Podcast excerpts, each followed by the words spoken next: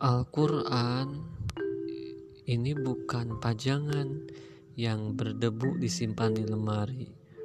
Al-Quran ini pegangan yang dijadikan pegangan hidup sehari-hari.